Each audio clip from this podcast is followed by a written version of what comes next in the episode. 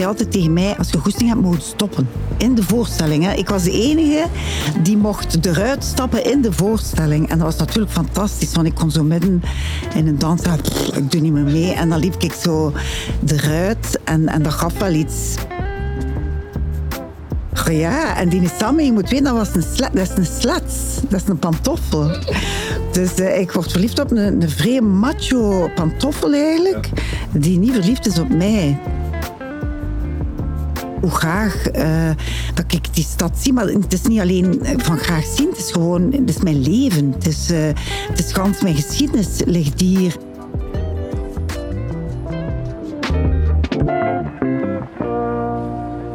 Pascal Platel vertelt. Op de planken, in boeken, in theaterstukken en nu ook in een podcast. Ze vertelt over Gent, de stad waar ze met haar vader als kind in de auto rondreed, over alle verschillende plaatsen waar ze woonde, over haar toevallige liefde voor het kinder- en jeugdtoneel en over haar crush op Sammy, de sleds. Bij ons aan tafel Pascal Platel. Hoe gaat het? Goed. Je bent eh, schrijfster en theatermaker. Ben je fier op wat je doet? Ja. En waarom? Goh, omdat ik vind, eh, als alles lukt, als in het beste geval dat ik iets, eh, een talent heb, eh, dat, ik, allee, dat ik ondervind, dat, dat ik dingen kan vertellen over gevoelens of over mijzelf, waar dat mensen zich ongelooflijk goed in herkennen. En, en dat ik daardoor wel mensen kan raken of doen lachen. Ja. We, we lezen eh, op je website dat er één rode draad doorheen die creaties loopt. Het genot om te vertellen. Van waar, eh, van waar komt dat vertelplezier? Goh, ik kom uit een familie, we waren met, met vijf kinderen. En twee ouders die, die altijd nogal cultureel waren, die ons ook veel meenamen naar van alles eigenlijk. Mime, dans, theater. Eh, maar het was ook zo dat dat een heel goed koppel was en dat je moest eh, vechten om hun aandacht te krijgen met vijf.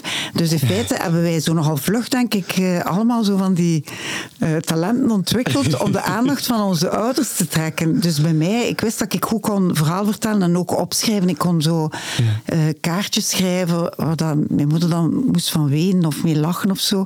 Dus dat was mijn tool om, eh, om de liefde van mijn ouders te winnen. Denk ik, hè?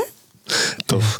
En je vertelt op de planken, je vertelt op televisie, je vertelt in boeken en in theaterstukken. Waar haalt Pascal Patel de inspiratie om zoveel te vertellen? Vooral uit mijn eigen leven. Alleen meer en meer. Vroeger was mijn eerste stukken waren, eh, was kindertheater en dan, dan was dat veel fantasie, maar dan nog eh, weet ik dat ik heb ooit een, een voorstelling gemaakt voor vijfjarigen, Ola Pola Potlood gehad, en dat ging eigenlijk over scheiden.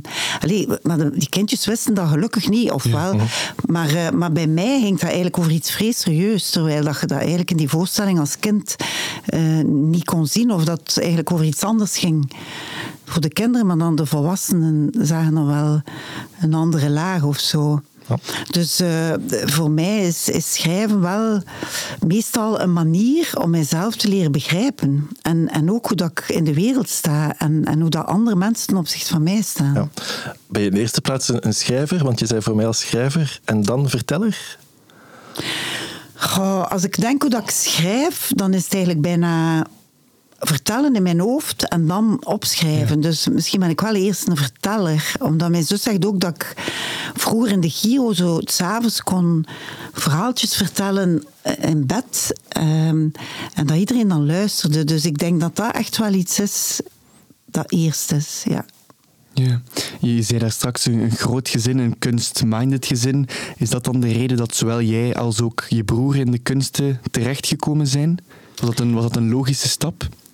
Ja, ik denk dat wel, maar zij dat natuurlijk niet zeker. Maar mijn twee zussen eh, hebben dat niet gedaan. Hè? en, en mijn jongste broer ook niet. Dus, dus pas op, alhoewel dat die ook heel creatief zijn. Maar, maar het is alleen Alain en ik die echt in, die, in dat beroep Ja. eh, gestapt zijn. Maar eh, ja, ja, denk ik. Ja. Jullie zijn allebei uh, autodidact. Is dat uh, de doodsteek van de, van de kunstopleiding? Waarom zijn jullie nooit naar het kunstonderwijs geweest? wel, ja, bij mijn broer, ik kan niet voor hem spreken, maar ik weet dat hij, heeft psychologie gestudeerd, alleen ja. orthopedagogiek. Ja. En dan, maar die was eigenlijk tijdens zijn studies al met mij aan het repeteren, terwijl dat ik mm -hmm. ook... Eh, bij mij was het wel zo dat ik dacht dat dat geen dat dat geen beroep was als ik vrij jong was. Dat klinkt nu raar, maar ik dacht niet dat ik daarvoor kon echt studeren. Tot wanneer dat ik merkte van ja, natuurlijk kun dat wel, dat zijn theaterscholen. Maar ik heb eh, echt geprobeerd. Ik heb drie keer een eh, ingangsexamen gedaan voor theaterschool. en dat is drie keer mislukt. Ja. Dus het is wel, ik ben wel een voorbeeld van dat je misschien niet moet studeren. Ik mhm. bedoel, want ik doe het nu al ja, hoeveel jaren? 100 jaar. Terwijl, ja, ik heb, ik, ik heb uh, ingangsexamen gedaan, maar dat, ik was zo gestrest dat ze mij niet konden beoordelen. Dat was eigenlijk een... Drie keer konden ze mij niet beoordelen, omdat ik uh, toeklapte. Omwille van de stress? Ja, en ik had zo'n iets vrij goed voorbereid. Een, een stuk uit de, de Koning sterft, dat is echt een, een goed stuk. En mhm. mijn broer had mij geholpen. Hij had het wel modern gemaakt. Ik moest zo'n geel kleed aan doen en, en bottinen. Dat was zo'n tijd van uh, de botten en de bottinen op zijn. En, uh, en met mijn rug naar de jury staan. Want die waren met zoveel, dat waren de laatste jaren, die keken ook daarna. Ik vond eigenlijk wel overdreven. Um, maar, uh, en ik stond hier op die stoel en ik denk dat dat een kwartier duurde en dat ik dat op twee minuten was dat gedaan. Bij mij hmm. bedoel ik, ik dat was in één keer zo compact geworden. Dus, dus ja, die, die zagen iets van twee minuten dat eigenlijk een kwartier moest duren en ik stond dan nog met mijn rug naar hen. Dus ik begrijp wel mhm. dat ze mij niet kon beoordelen. en dan ben je maar toegepaste communicatie gaan studeren. Ja, daar heb, daar heb ik af. Ik heb eerst nog publiek, ik heb, ja, public relation, daar heb ik maar ik heb eerst nog publiciteitsfotografie gedaan. Ook een jaar. Omdat ik dacht, dat gaat tof zijn, foto's en dingen, maar publiciteitsfotografie is niet gelijk gewone foto. Mhm. Dat is eigenlijk heel in de puntjes. En ah, dat was verschrikkelijk. Dus uh, ik heb dat niet volgehouden. En dan public relations, hè, pas communicatie. En dan nog, we mochten vier jaar studeren van mijn ouders. En dan moesten we het zelf betalen. Mhm. En dus ik had al één jaar verloren met die fotografie. Mhm. Dan heb ik... Uh, twee jaar toegepaste communicatie. In die tijd kon dat nog doen, want daarna was dat ineens drie jaar. Dus ik had mijn diploma en dan mocht ik nog een jaar. En ik dacht, ik ga nog een jaar uh, psychologie doen. Alleen criminologie. Criminologie, ja. Maar ik deed dat omdat er toen een prof was in, op de NIF, Gijsbracht. Mhm. En eigenlijk voor mij was dat een, een stand-up comedian. Dat was een, een, prof die vrij bekend was, omdat hij... Die heeft trouwens eh, op dat proces van Orion en Feneuil heeft hij... Mm Allee, was hij zo de, psych de, de psycholoog. Ja. Maar het was eigenlijk vooral, op het einde ben ik eigenlijk alleen maar naar die lessen nog geweest van hem. Omdat ik ging eigenlijk bijna naar een voorstelling gaan kijken. Ja, naar iemand die ook bezig was met verhalen. Ja, die stond daar op zijn sletsen. Die had zo sletsen aan, dat was echt een figuur. Hè? Een beetje gelijk, uh, noemt hij, allee, die filosoof. Allee, dat was een andere. Etienne Vermeer. Etienne Vermeer ja. bedoel, die was anders, maar bedoel, dat waren zo echt van die. Mensen die iets te vertellen hadden. Ja, ja. ja, Waar je stil van werd. Ja. ja. Mm. Mhm. Je begon dan onder de vleugels van je broer bij Le Ballet de la B. Mm mogen we dat een, een, veelzijdig gezelschap noemen waar hedendaagse dans, theater en muziek vaak met elkaar verweven ja, zijn? Ja, en, en oorspronkelijk waren dat, was dat eerst Alain ik en, en uh, Johan Grimopré, die nu mm -hmm. uh, videoart maakt, maar, uh, en, en andere dingen die lesgeven. Maar ehm, er zijn eigenlijk allemaal mensen bijgekomen en dat waren eigenlijk vrienden. Heb de goesting om mee te doen. Dat was een beetje het principe dat, dat mijn broer eigenlijk al deed van zijn, van zijn 15 jaar. Want die vroeg dat ook in de straat waar ja. wij woonden: van wie heeft de goesting om mee te doen aan, aan een toneeltje. En dan speelden wij in de garage. Dus dat, dat is gewoon blijven voortgaan. En ik denk, als ik wegga, daarna zijn er zo meer en meer professionele dansers bijgekomen. In het begin waren dat allemaal vrienden eigenlijk. Ja. En was je daar dan danser, verteller? Wel, ik was danser en, en het was danstheater, dus ik mocht ook wel af en toe spreken. Maar het was vooral dans, maar uh, bewegingstheater. Maar uh, mijn broer die zei altijd tegen mij, als je goesting, als je goesting hebt, moet je stoppen in de voorstelling. Hè. Ik was de enige die mocht eruit stappen in de voorstelling. En dat was natuurlijk fantastisch, want ik kon zo midden in een dans zeggen, "Pff, ik doe niet meer mee. En dan liep ik zo eruit en, en dat gaf wel iets. Allee, dat was wel grappig eigenlijk. Dat was zo, maar toch, ik heb veel moeten dansen ook. Ik heb Ja. veel moeten bewegen. Ja, hoe was het om met je broer samen te werken? Goh, dat is fantastisch om, om met mijn want ik- werk er nu Mhm. weer mee samen. Maar eh, mijn broer, vind ik, is zo'n regisseur die, die heel rap door heeft. Nu, mij kende hij natuurlijk Ja. omdat ik zijn zus was, maar die heel vlug bij mensen detecteert wat dat een, een sterkte is en wat dat ze goed Mhm. kunnen en wat dat ze graag doen. En, eh, dus, dus heel vlug was iedereen aan het doen wat dat hij het beste kon. Mhm. En daardoor, denk ik, is het ook zo dat er binnen zijn gezelschap zoveel choreografen ook allee, daaruit voort... Of, of ik, ik ben eruit gestapt en ik ben mijn eigen ding beginnen doen. Dus, en zo zijn er enorm veel. Het is ook iemand die dan voelde van ik moet naar een opera. Dat was daarom niet altijd doen wat dat hij deed, maar operazanger in die kaasmaker. Allee, dat, wa- allee, sorry, dat kwam- maar allee, je leerde zo heel vlug bij hem wat dat je, moest, eh, wat dat je wilde worden of wat dat je wilde doen. Ja. Is het altijd even makkelijk om, om in een gezelschap te werken dan waar je broer dan de regisseur is? Want af en toe moet de regisseur iets zeggen wat niet zo leuk is om, om op te nemen. Eh, mijn broer is eigenlijk een hele zachtaardige regisseur. Dus in die zin ehm, vond ik dat niet zo moeilijk. Plus, dat, allee, en nu ook, dat hij mij kent. Dus hij kan mij echt zo ehm, goed regisseren. Want hij weet wat ik kan en wat ik niet kan. En, en hij kan mij wel duwen of zo. En, mm, Naar, ja, ik- naar plekken waar ik normaal niet zou gaan. Ja. Na enkele jaren besloot hij dan om je vleugels uit te slaan en eh, het kinder- en jeugdtheater op te zoeken. Hoe was dat? Dat was ehm, overweldigend, omdat dat was echt heel spelenderwijs begonnen met een performance en dan een, een kindertheater die vroeg Bronx in, in Brussel. Die vroegen eh, of dat ik iets wilde maken voor hen, een performance. Allee, ook eerst iets kort. En dan was ik hoogzwanger, dan heb ik daar, daar, daar gestaan zo. En dan vonden ze dat ook goed en dan mocht ik direct een, een, een avondvullende voorstelling maken. En, eh, en die is ingeslagen lijkt een bom eigenlijk. Dat was de koning van de paprika chips. En, en daar heb ik tien jaar... Ik heb zo'n aantal voorstellingen van mij waar ik jaren, tien, twintig jaar mee getoerd heb. Omdat dat, omdat dat bleef gevraagd worden. Eh, en dat was zo één. En waar ik dan ook direct een prijs mee won. En, en ik verstond dat niet goed, omdat ik dacht van dat is nu echt voor mij het meest evidente om te doen.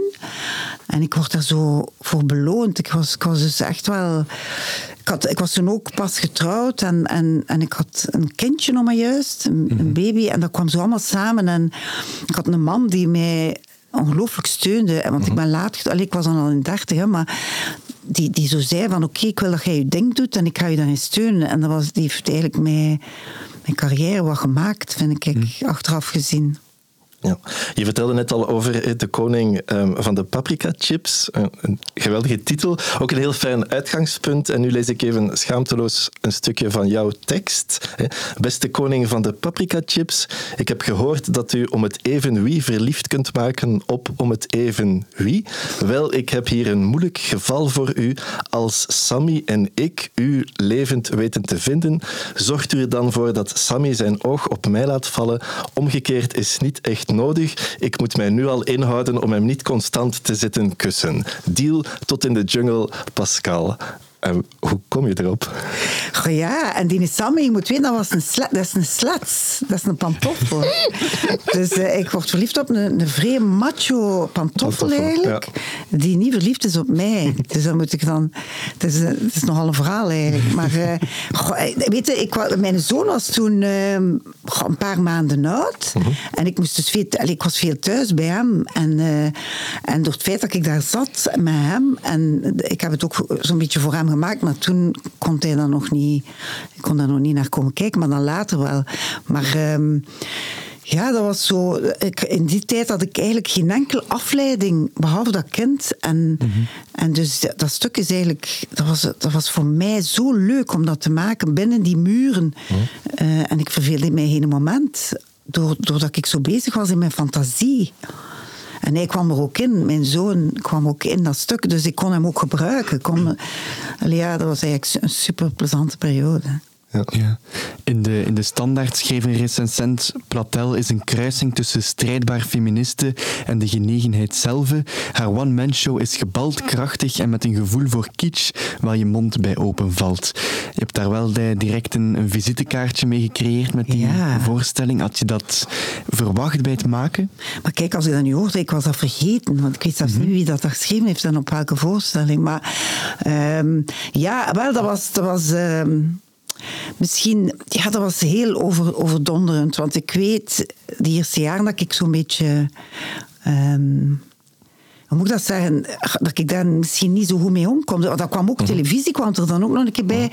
En um, goh, ik, ik werd daar wat bang van omdat dat zo vrij, een vrij grote reactie was op iets dat voor mij eigenlijk heel klein, heel intiem. Mhm. Die voorstellingen waren allemaal intiem en, en vanuit mij. Dus, dus uh, dat was uh, overweldigend, maar natuurlijk leuk. Hè. Je zit zo eigenlijk constant in een roes.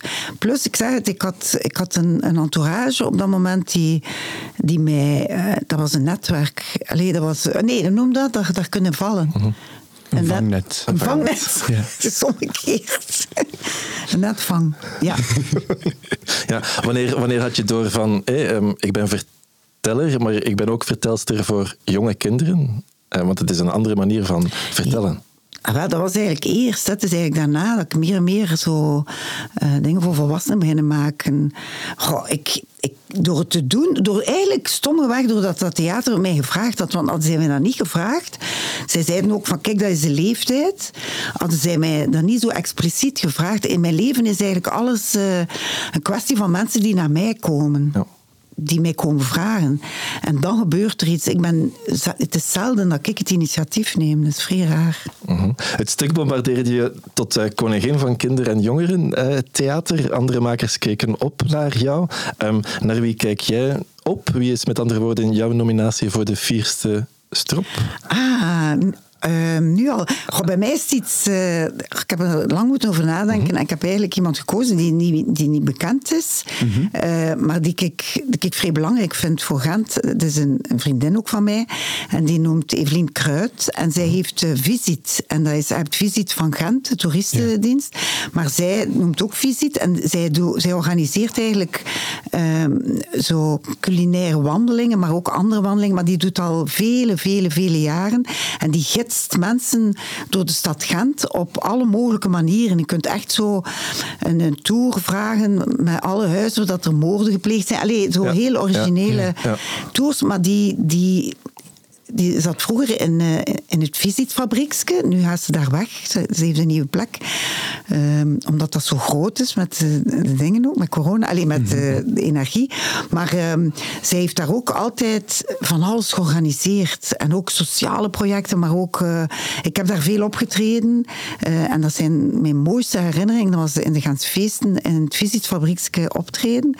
Dus zij heeft daar ook verschrikkelijk veel Gentenaren ontvangen. Die kwamen zingen en dansen. En, allee, dus, maar zij zelf is, is zeer bescheiden, want ik denk dat zij dat eigenlijk... Uh, dat ze gaat kwaad zijn op mij. Echt waar, ze gaat daar kwaad voor zijn, want die, die is zo graag in de schaduw. Maar ik vind dat zo'n goede poets, die ik nu kan bakken zo. uh, dus Evelien, ik hoop dat je content bent, echt waar. Maar uh, nee, die gaat daar niet blijven zijn. Maar, maar ik vind haar wel Allee, dat is ik vind dat zo tof, zo mensen die hier in Gent bezig zijn en, en die niemand on the ground bijna, mhm. eh, en die niemand kent, maar eigenlijk iedereen ook wel kent. Ja. Als je het zou vragen aan de artiesten of aan dingen, zij is, allee, iedereen kent daar. En zij zet ook echt zo belangrijke plekken op de kaart. Plus, ze stralen het uit naar, naar, naar buiten toe. Ze doen ook Luik, ze doen ook andere steden. Ja.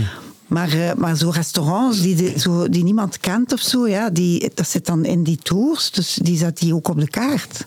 Ja. We zullen bij ons excuseren bij haar in jouw naam. Ja. Nog eh, even terug naar het eh, kindertheater, want we mogen geruststellen dat Gent vooraan stond in de rij toen het label Stad van Kindertheater werd verdeeld. We hebben de Kopergieterij Vier Hoog Larf.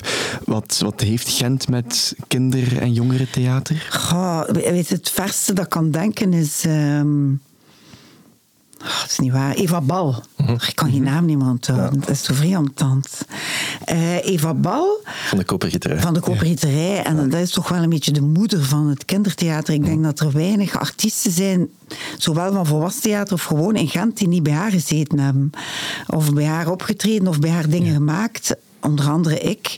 En uh, ja, ik, ik vind dat zij, zij was echt een, een figuur in Gent hm. die ja, echt zo'n beetje de moeder van, van het kindertheater.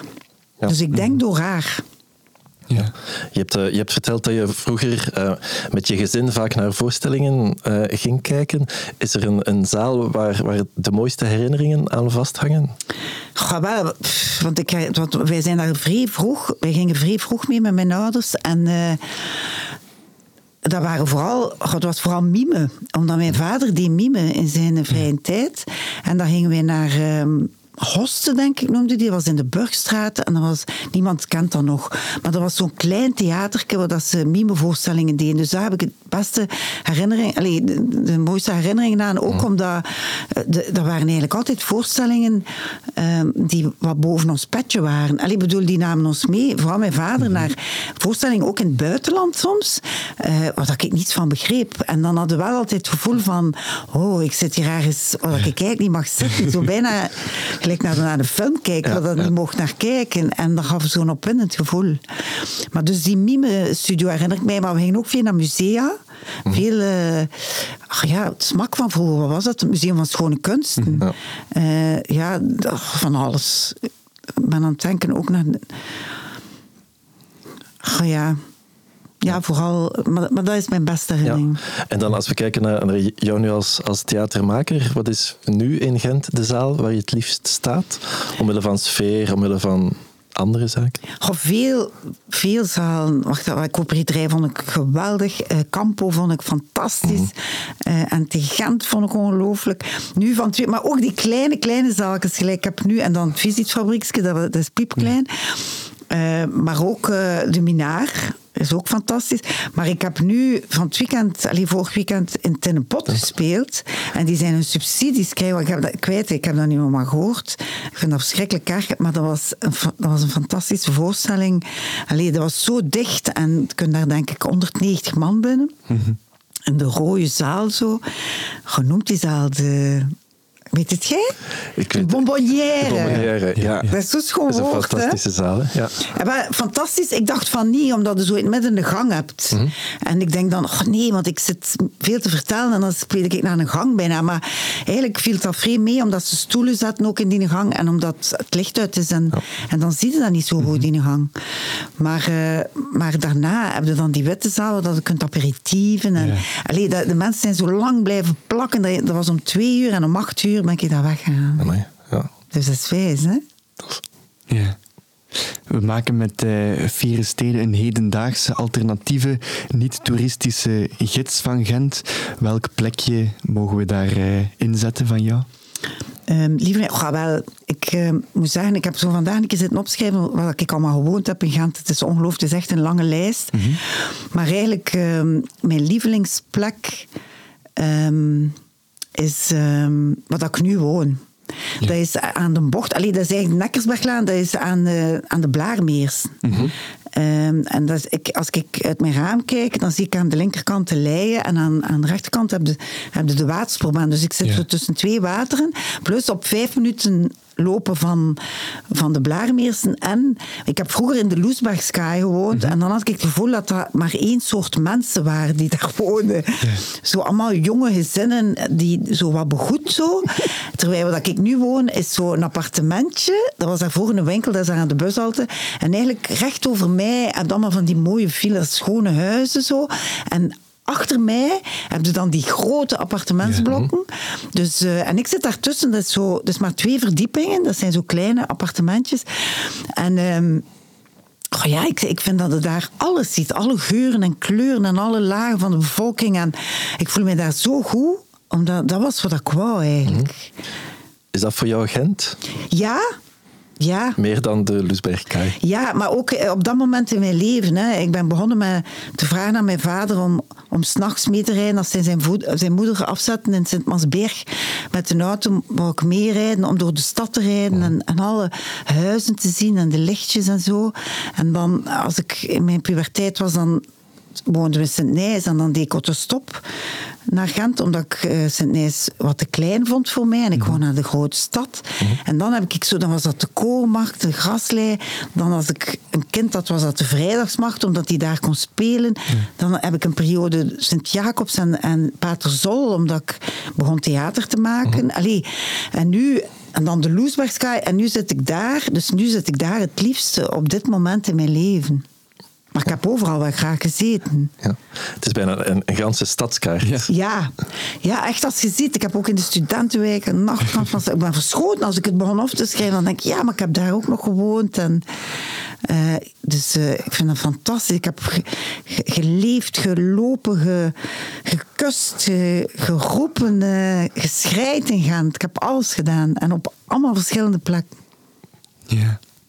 Ergens lazen we dat je als kind droomde om fotomodel te worden.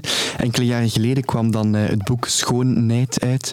Een heel open boek, zowel qua fotografie als qua onderwerpen die je eh, aansnijdt in het boek. Heb je er bewust voor gekozen om zo'n open boek te maken? Vind je het belangrijk dat iemand, eh, zelfs bij iemand die met een, met een glimlach door het leven gaat, dat daar ook kweesten zijn in het, in het leven? Oh, kweesten, kweesten is mijn woord. Ik bedoel, kweesten is... Als ik iets maak, ja, dan, dan vertrek ik altijd van een kweesten. Of dat dan nu mentaal is of, eh, of letterlijk, hè, door de jungle. Ja. Ehm, maar ik wil altijd iets afleggen. Ik wil een tocht maken. En, en in, in die zin klopt dat boek. En achteraf gezien, want nu zijn we twee jaar verder. En dat was op mijn zestigste. Ik dacht van, oké, het is een moment om fotomodel te worden. met mijn blote borst in het boek te staan. Maar, en dan die verhalen erbij. Ja, ik, ik, eh, ik wou dat altijd. En ik had toen een relatie die nu eh, gedaan is. Maar, eh, en dat was zo perfect, omdat hij, hij trok ook vrij veel foto's van mij. En ik dacht van, en ik vond die foto's heel mooi. En hij ook. En, en dan is, ik had er zo'n aantal gepost op Facebook. En dan eh, was er een uitgeverij die vroeg, zie je dat niet zitten om daar een boek van te maken. Dus eigenlijk weer iemand die naar mij gekomen, allee, of naar ons gekomen is. En ik ben daar nu super blij mee. Maar op dat moment was dat ook zo een, een avontuur eigenlijk. Eh, misschien ook om dat af te leggen. Omdat ik had dat willen worden. Ik mocht niet van mijn ouders. Eh, als ik afgestudeerd was, was ik dan te oud om eh, nog fotomodel te worden. Want ik heb dat geprobeerd nog als ik 24 was, maar die zijn, zijn te oud. En maar ja, ik dacht van kijk, ik ga dat nu doen. Dan heb kan ik dat afvinken. Ja. En ik vind, je kunt, ja, het is nooit te laat om, om te doen dat je, dat je van gedroomd hebt of zo. Ja. Je vertrekt vanuit een kweest of een, of een worsteling. Is kunst dan ook de manier om die te verwerken, om dat Ja. een plaats te geven? Maar nu, zeker mijn laatste stuk Verteder Nader mij, dat is een, eh, een monoloog. En ik ben die beginnen schrijven eigenlijk op het moment dat mijn relatie eh, gestopt is en ik, eh, ik verschrikkelijk veel hartpijn had. En, en daardoor eh, is dat, dat is voor mij mijn redding geweest, omdat ik heb, dat, ik heb er maanden aan gewerkt. En, en dat was ook een soort therapie, gelijk dat het ook een therapie was om met mijn kind dat, die eerste kindervoorstelling te maken. Dus dat, die, die voorstelling... ja, de, ben daar verschrikkelijk blij mee, omdat alles zit daarin wat ik toen gevoeld heb. En ik blijf dat voelen als ik ze speel. En mensen denken van... Allee, ze, vroegen mij dan nu van het weekend van... Doet dat niet iedere keer pijn? Maar dat is, dat is eerder een luiterende pijn die je dan voelt. Het is een soort... ehm, ja, de- een soort therapie, ja, iets, iets dat je loslaat en dat je deelt met mensen die zich ongelooflijk goed herkennen in wat ik vertel. Ja, als je ehm, even je hoofd wil leegmaken en je wil iets lekker gaan eten, ehm, waar ga je dan naartoe in Gent? Goh, ik heb verschillende adressen, maar ik ga eigenlijk ehm vrij gaan naar... Er zijn, er zijn twee dingen die me vereisten die ik heb. Oké. En dat is, ehm, ik wil in de vitrine zitten, want daar hou ik niet op op het podium. Ik wil daar buiten in de vitrine zitten. Zelfs als je eet. Ja, ik vind dat zalig om eens te eten in de vitrine. Dus je hebt, eh, hebt niet zoveel eh, dingen. Ik heb nu gehoord van iemand die nu een nieuw restaurant ontdekt die, die dat ook heeft. Dus ik moet, ik geloof in India of zo ergens aan, aan het water. Eh, maar dus ik... Het is echt. Je moet in de vitrine kunnen in de vitrine. Plus, ik heb graag hapjes. Ik heb niet graag zo Vlaams... Ge... Allee, soms wel een keer Vlaams gekeuken. Ik heb liever zo met patattenvlees en dingen. Ik heb liever zo van die... Dat is zo mijn bordje. To share en al. Food to share. Dat vind ik eigenlijk fantastisch. En Barkast, die heeft ongelooflijk lekkere dingen to share. En ik heb dat bijvoorbeeld leren kennen door Evelien. Ja. En waar is dat? Omdat dat zit in de Burgstraat. Ja. Oh, verdorie, hè, maar nu gaat iedereen gaan. Tommen, hè. En mijn plaats... iedereen in de vitrine gaan ja, zitten. die gaan het allemaal afpakken. Ah, zwaar. Je, je bent, eh, is al meermaals gebleken, een echte rasgentenaar. Zelfs eh, moest je het willen, zou je het niet kunnen verbergen. Hoe kijk jij naar onze stad? Goh, ik ben, hetgeen dat ik daar juist zei, van, van, van jongs af aan tot nu...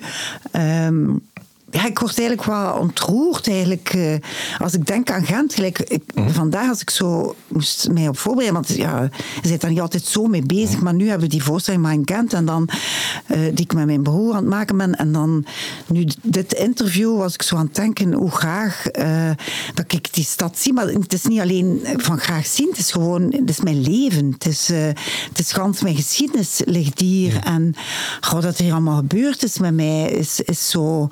eh, als, en, en ik kan die allemaal koppelen aan, aan plekken. Hè? Gelijk dat ik zeg aan... eh, als ik een jong meisje was, de, de Groene Appel. Dat kennen jullie niet meer, hè? maar dat was zo'n café naast... Dus ofwel ging ik dan aan Tambert en aan de jazzmuziek. En daar had ook wel intelligente mannen. Dus dan zat ik soms daar met mijn vriendinnen voor de intelligente mannen. maar daarnaast hadden de, de Groene Appel. En dat was vrij... oh, dat was disco-muziek. En dat was... eh, eh, dat liedje... ah, ah, ah, hoe gaat? Ah, Van L'amore cominciato. Ken je dat? En dan konden, hadden ze zo'n dansvloer in het midden. En dan konden daar dansen, zo midden in de dag. Eh, ach, maar daar zat er ook een, een vrij volksje. Dus ehm, je kon daar wel een keer ruzie hebben eigenlijk met andere vrouwen. Of, dus, dus dat zijn zo van die hele... eh, ja, van die herinneringen, wat ik zo mij vrij kan amuseren met daaraan terug te denken. Ja. Eh, samen met nog enkele andere fijne mensen, je zei het net al, ben je bezig met Mind Gent. Ja. Een, een eerbetoon aan eh, Gent. En we lezen dat het met een groep van spelers eh, is, figuranten, echte Gentenaars. Ehm, en je wil ons het Gent van gisteren, vandaag en morgen tonen. Wat zijn volgens jou de grootste verschillen tussen het Gent van vroeger en vandaag? Goh, ik ben wel voor evolutie. Mhm. Dus ik, eh, ik, ben, ik kan heel melancholisch worden als ik denk aan mijn jeugd. Maar, ehm, maar ik, ehm, ik vind dat oké dat dingen veranderen. Ik vind dat ook grappig. Alleen gelijk de, de stadshal, dat sommige mensen zich daar zo in ergeren. Ik vind dat grappig zo. Pas op, ik erger mij ook in, in dingen die veranderen. Zo, nee, dat toch niet. Ja, Ehm, maar ehm, wat is er veranderd? Ik, ik, kan niet, ik kan niet zo algemeen spreken. Ik kan alleen voor mijzelf spreken. En als ik voor mijzelf spreek, dan is dat dat ik, ehm, dat ik de stad altijd maar anders blijf bekijken. En dat die, dat die altijd maar nieuwe eh, facetten aan mij toont. Eh, die- wat ik van verrast ben. Een manier van rijden. Bijvoorbeeld, ja, door het feit dat ik zoveel verhuisd ben, moet ik altijd op een andere manier... eh, ergens naartoe rijden. Allee, ik, ben nu, ik heb mij nu geparkeerd in de, in de Brabantam, in het laatste stuk.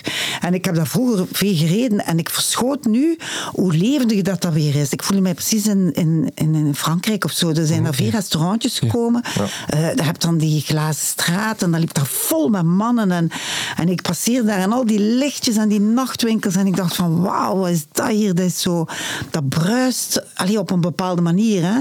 Moet daar natuurlijk voor zijn. Maar, eh, dus dat is voor mij, dan denk ik van, oh, ik wil hier wel nog een keer komen.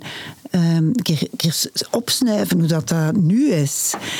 Dus ja, ik, ik weet niet wat er... Wat ik ehm, misschien wel mis aan vroeger, maar dat, is, heeft dan misschien met mij te maken, want misschien is dat nog altijd zo. En, Alhoewel, dan zou ik het weten. Eh, Vroeger hadden echt zo van die ganse figuren. eh, Zo had, zat de Frans en had eh, die een man die zo...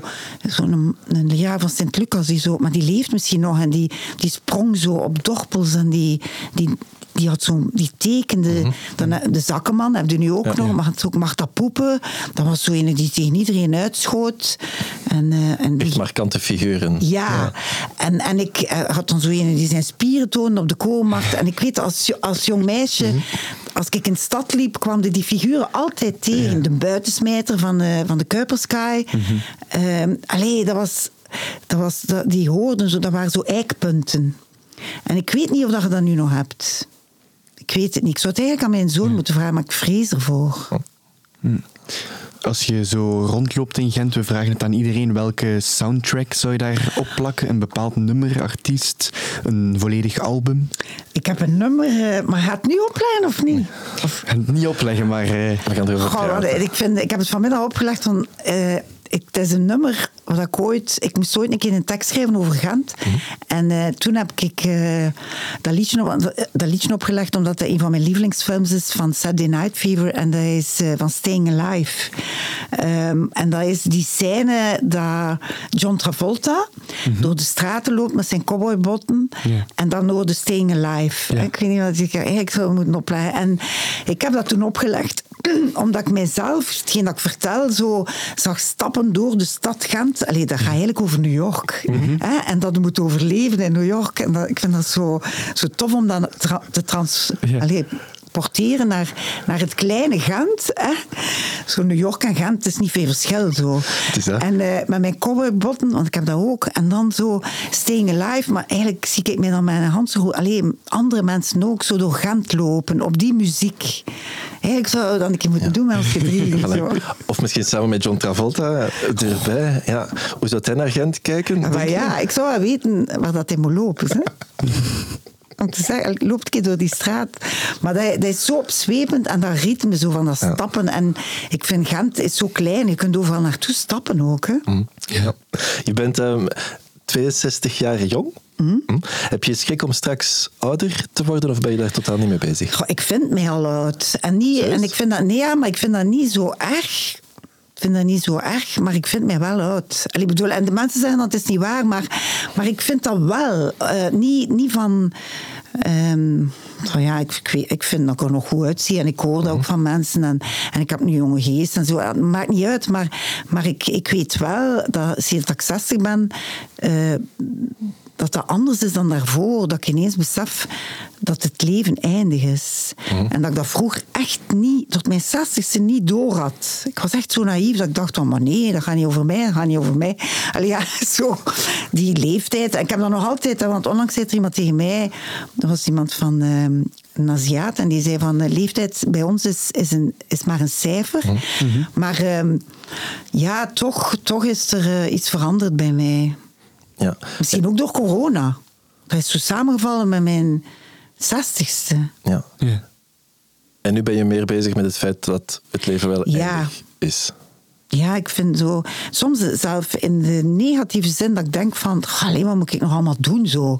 Hoe lang moet ik hier nog rondlopen? Allee, wat hij zegt om dat klinkt eigenlijk verschrikkelijk. Maar ja, ik heb al zoveel gedaan en zoveel meegemaakt en zoveel beleefd. En dan denk ik, wat, wat kan er nu nog allemaal gebeuren? Allee, ik zou dat moeten vinden. Hè, dat maar soms is dat ook in het negatieve zo van... Ja, en wat nu zo? Wat nog? Het is bijna een luxe probleem. Ja, want sommige mensen moeten verplicht op pensioen, maar een vertelster kan verhalen blijven vertellen. Dat is wel tof, hè? Denk je, denk je daar soms aan? Ja, ik, eh, ik hoop dat echt. Omdat nu, ik vind het eigenlijk leuker en leuker. Gelijk van het weekend, ik zeg het, ik heb twee keer opgetreden en, en dan de maandag ook. En dat was in Brussel in een kleine zaal en dan in Gent twee keer. Alleen, het was niet in Gent en in Locristi. Maar dan eh, daarna en dan met de mensen ballen. En dan denk ik van, dat is echt het liefste wat ik doe.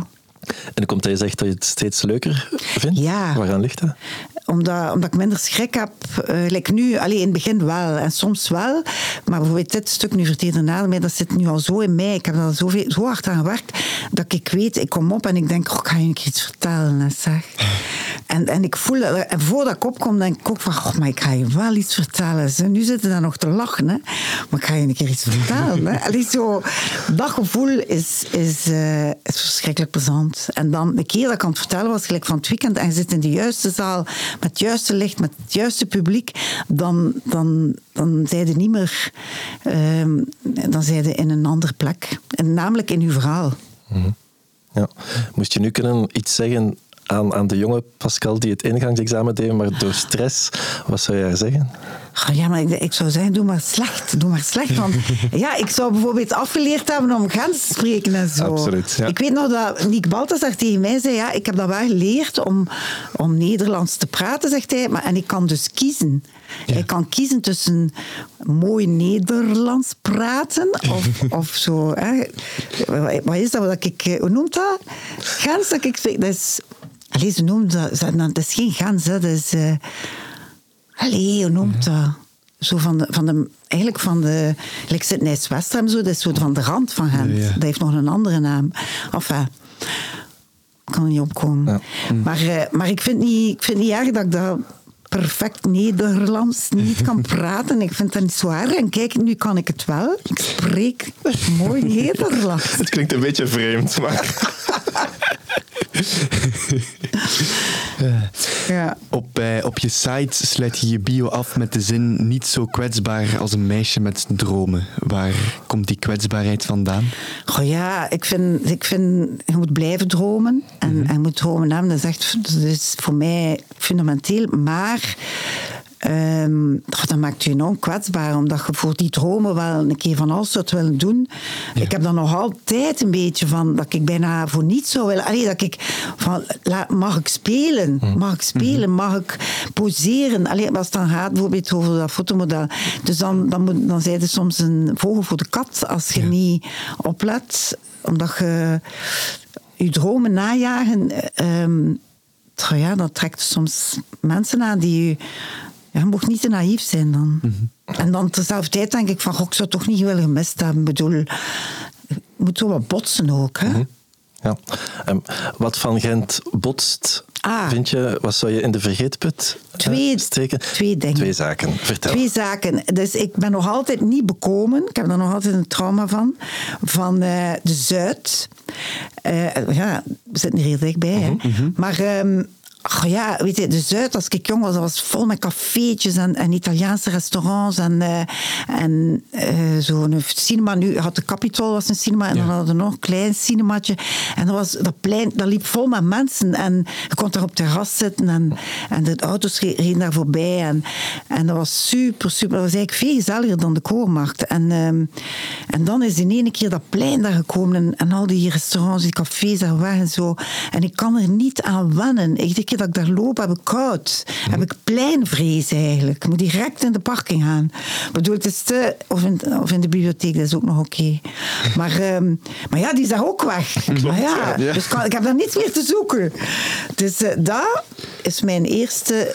Allee, dat ik echt verschrikkelijk echt bijna vanaf gezien heb. Want ik zat daar vrij veel mm. als, als jong meisje. Ja. En dan uh, het tweede is uh, de dampuurte.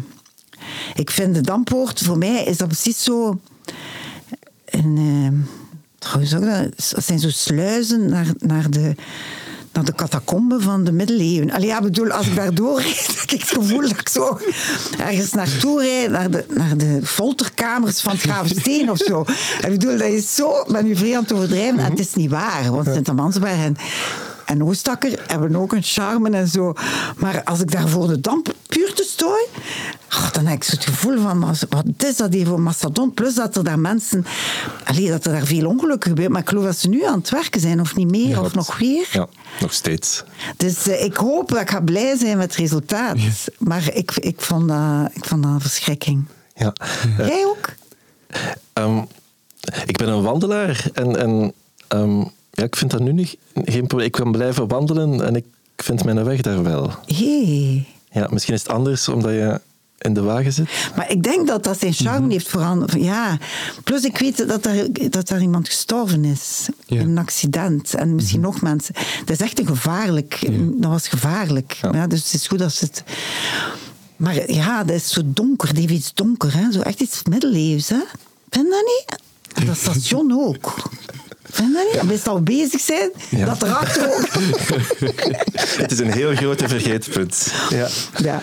Um, niet zo kwetsbaar als een meisje met uh, dromen. Waar droomt Pascal vandaag nog van? Goh, nu ben ik... Uh, dat is een goede vraag. Um, goh, ik zou eigenlijk al... al vrij lang een keer een radioprogramma maken. Nee, dat is echt waar. Maar dat, ik ga daar niets voor doen, maar dat is zoiets... Dat, wat dat, zo hier zitten met ons, ik vind dat ongelooflijk intiem. En dat is eigenlijk ook... eh, dat komt vrij dicht bij, bij theater. Maar dan ik, heb ook bijvoorbeeld niet, ik ben niet iemand die graag met veel mensen gaat eten, maar een tijd dat tijd. Of met twee, of drie of vier. En dit is zoiets. Hè?